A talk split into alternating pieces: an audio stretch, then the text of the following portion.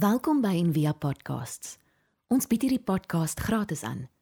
Om 'n bydrae te maak, besoek gerus ons webblad en via.org.za vir meer inligting. Daar's 'n Hassidiese verhaaltjie van 'n bekende rabbi wat op pad was na 'n dorp toe om daar te gaan preek want die mense was baie geïnteresseerd in sy idees. En almal het dae en weke vooruit gedink aan watse vrae hulle nou vir hierdie rabbi gaan vra vir hierdie wyse man. En toe hy nou die dag daar aankom, was die hele saal gepak vol mense. En hy stap toe tot voor en hy begin met 'n sagte stem 'n ou Hassidiese wysie neerie. En mettertyd begin die mense te saam sing en so begin hulle al hoe harder sing. En toe hulle nou gemaklik is met die wysie, toe begin die rabbi dans en so begin die mense saam dans en is later 'n hele wille spul en hulle dans vir ure lank en sing en toe geleidelik bring die rabbi weer die dans tot stilstand en hy gaan staan en hy kyk die mense in hulle oë en sê ek vertrou ek het al julle vrae beantwoord. As jy jy sou bevind in 'n gemeenskap waar ehm um, tradisionele genesing en medisyne die die boetoon aangee en jy voel nie lekker nie jy's 'n bietjie depressief of neerslagtig of ontmoedig of sommer net omgeëlie en jy gaan na een van hierdie medisyne mense toe, dan sou hulle een van vier vrae vir jou vra. Heel eerste. Wanneer het jy ophou sing? Wanneer het jy ophou dans? Wanneer is jy ophou betower deur stories? En wanneer het jy ophou vertroosting vind in stilte? Want in sing, dans en stories en stilte lê die balsams van die siel. En dis wat ons reeks eintlik ook wil vra met behulp van die psalms. Wanneer het jy ophou sing? Want die die psalms is potensieel belangrike rigtingwysers. En wanneer ek vir jou daai vraag vra, dink jy teen teen aan 'n koorjuffrou of um wanneer mense vir jou 'n bietjie met groot oë aangekyk het wanneer jy jou mond oopgemaak het om te sing en dit kan dalk 'n wond op sigself wees maar dit gaan dieper as dit in baie Afrika lande vra mense eintlik die vraag verder nie net wanneer het jy ophou sing nie maar wat is jou lied moeders het al vir hulle kinders begin sing voor geboorte en daai lied begelei hulle dwars deur hulle hele lewe om hulle waarde te bevestig as as mens.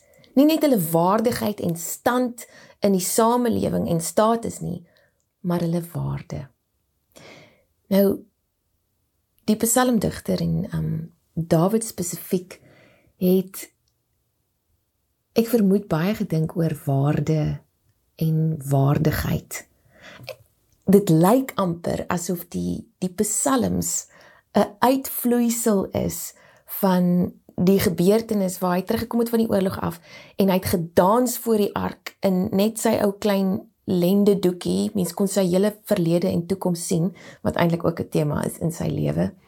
En hy sê vir sy vrou Michal wat um 'n koningskind is en uh eintlik afgestoot is deur hierdie gedrag van Dawid want 'n koning gedra hom nie so nie sê hy vir haar ek sal selfs nog meer onwaardig word en nog meer vernederd voel in my eie oë.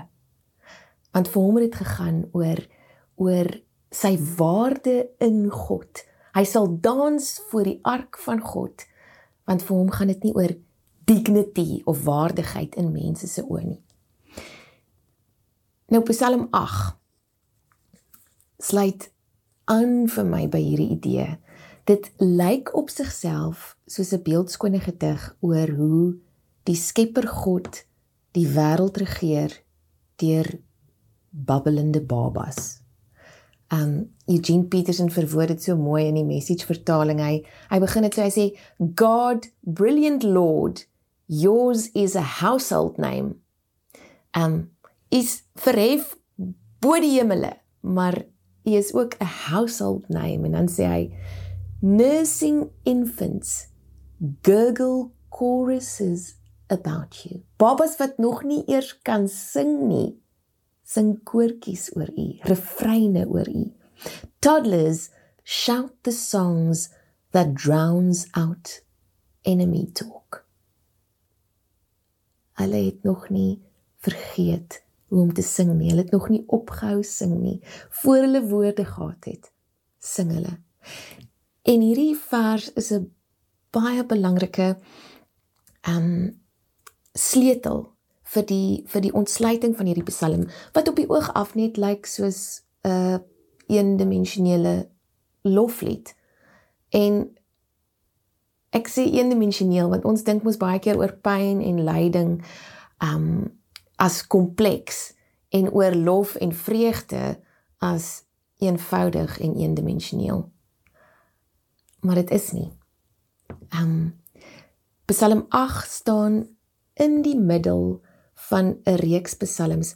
Psalm 3 tot 7 um nooi ons om te reflekteer op Dawid se storie van die verlede toe hy magteloos was en moes wegkruip van sy vyande en hy roep uit na God om om hom te red en te herstel as koning. Dis Psalm 3 tot 7. Psalm 9 tot 14 um is daar 'n klomp mense wat dan vir Dawid join, um armes en getuisterdes wat onderdruk word deur magtige heersers en hulle roep ook uit na God om hierdie heersers te konfronteer en regverdigheid te laat seëvier. Dawid en die onderdruktes is magteloos en swak en tog is hulle die mense wat God uitverkies het om die wêreld te regeer. En dit is waaroor Psalm 8 gaan wat in die middel van hierdie Psalm staan. Psalm 1 en 2 gaan oor die belofte van 'n Messias en dat hierdie koning, hierdie Messias skuilings sal wees vir almal wat hom dien. Nou vers 1 in die, in Psalm 8 ehm um, sê o Here ons Here Jahwe U is die koning van die skepping en u krag is oral sigbaar. Hierdie vers word herhaal aan die einde. Mens noem dit 'n inclusio en dit bevestig waaroor die gedig gaan. Maar Dawid en die onderdruktes ervaar nie tans God se krag nie. En die res van die gedig gaan daaroor. Dis 'n loflied te midde van die lief en leed van die lewe. Dis 'n nogtans Psalm. Nou in vers 3 ehm um, lees ons dan uit die mond van kinders en suigelinge het u sterkte gegrondves. Nou die die sterkte in Hebreëus kan wees of krag of ehm, 'n um, skuilings, 'n 'n stronghold deur 'n klomp babas het u sterkte gegrondves. En so word die raaisel ontrafel deur die volgende verse. Vers 4: As ek u hemel aanskou, die werke van u hande, die maan en die sterre wat u toeberei het, dan roep hy terug na Genesis toe, na die skepingsverhaal. God skep die wonderbare heelal en alles daar rondom en dan die mens uit stof. En in vers 6 dan in Genesis lig God hierdie stof stippeltjie, hierdie stof skepseltjie op deur hom 'n majestueuse taak op te lê om te heers oor die hele skepping. Dan vra die psalmdigter: "Wat is die mens dat u aan hom dink en die mensekind dat u hom besoek?" Albei dele van hierdie gedig gaan oor hoe God die magtelose afhanklike oplig sodat hy kan heers oor die heelal. Die babbelende babas, die stof stippeltjies. En wat ons daaruit kan aflei is dat God lief is daarvoor om die swakke te kies soos Dawid en die onderdruktes en saam skep hulle dan die patroon vir die uiteindelike die die ultimate mens en hy sal heers oor alles. So Psalm 8 lei ons vorentoe na die storie van Jesus.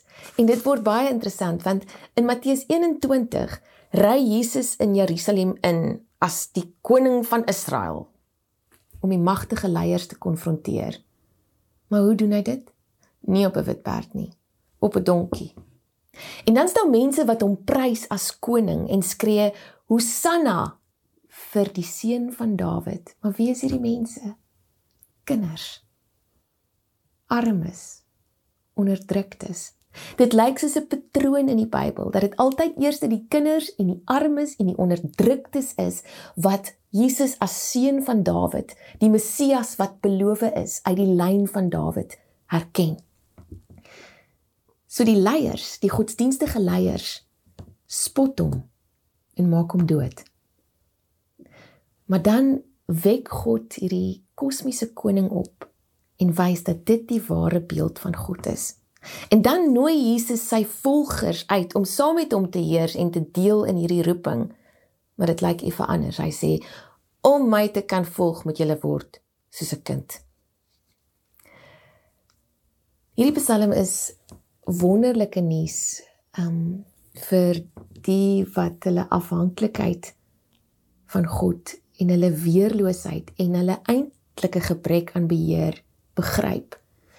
Dis baie slegte nuus en eintlik aanstootlike nuus vir die wat self in beheer wil wees en die wat nie hulle afhanklikheid van God verstaan nie, die wat onafhanklik van God wil leef.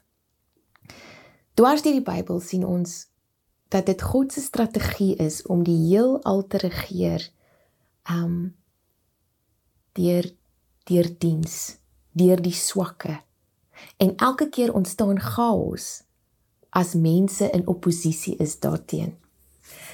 So in Matteus 21 kom hierdie godsdienstige leiers. Dis nou nadat Jesus die tempel omgegooi het, die tempel gereinig het en die kinders skree Hosanna vir die seun van Dawid. En dan kom hierdie leiers en hulle is baie geïrriteerd. Die woord is verontwaardig deur hierdie woorde van die kinders. Hulle waardigheid word hierdeur aangetas. Gramskap word daardeur opgehaal. Gramskap is vir my 'n interessante woord want dit is amper asof jy jouself wil weeg en jou waardigheid bepaal. Toe hulle vir Jesus ondervra, haal hy aan uit Psalm 8 vers 3. Hy sê Hulle vra vir hom: "Hoor u wat hulle daar sê? Hulle sê Hosanna vir die seun van Dawid." En dan antwoord hy met 'n retoriese vraag wat seer maak waar dit saak maak. Hy sê ja. Het julle nooit gelees uit die mond van kinders en suigelinge het u vir u lof berei nie. En hy weet hulle het dit gelees. Hulle ken dit uit hulle koppe uit.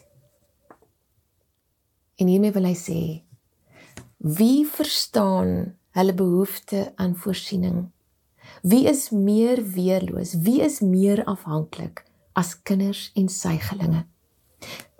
En outcasts en armes en onderdruktes. Lof word die beste uitgedruk deur nederiges. Deur kinders en suigelinge het u vir u lof toeberei.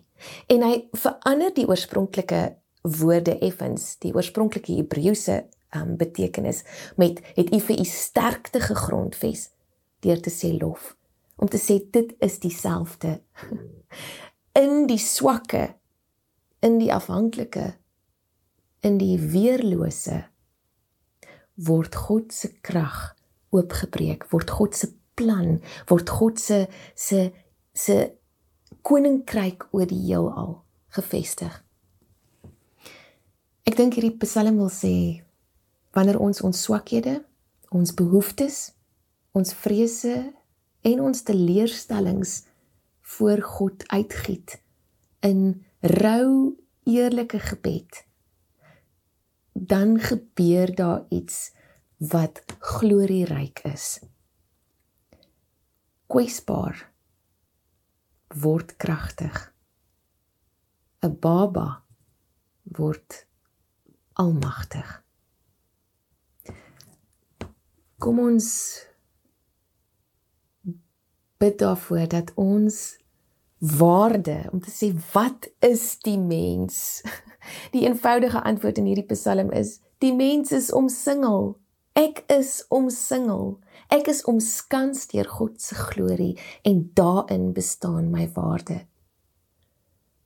Ek is gemaak in liefde en my siel is rusteloos van verlange tot dit rus vind in liefde. Nie in wat mense beskou as waardigheid of dignity nie, maar in my waarde, in my identiteit as afhanklike in Christus. Here baie baie dankie vir hierdie loflied te midde van lief en leed in die psalms. Dankie dat u aan babbelende babas en kwylende kleuters die die waarde toevoeg om vir ons wat al baie keer opgehou sing het te wys hoe klink hoe klink 'n lied wat uit liefde en afhanklikheid gebore word. Amen. Baie dankie vir almal se ondersteuning um, om om saam elke week nog so bymekaar te kan kom. Jy kan ehm um, finansiëel ook bydra deur uh die SnapScan kode of op die webwerf um die die bankbesonderhede van Envia Stellenbosch te gaan te gaan kry. 'n Mooi dag en 'n mooi week vir jou en ek hoop iewers langs die pad kan jy sing of dans of 'n storie vertel of 'n storie hoor en ook vertroosting vind in stilte. Ons hoop van harte jy het hierdie podcast geniet of raadsaam gevind. Besoek gerus en via.ok.za vir meer inligting.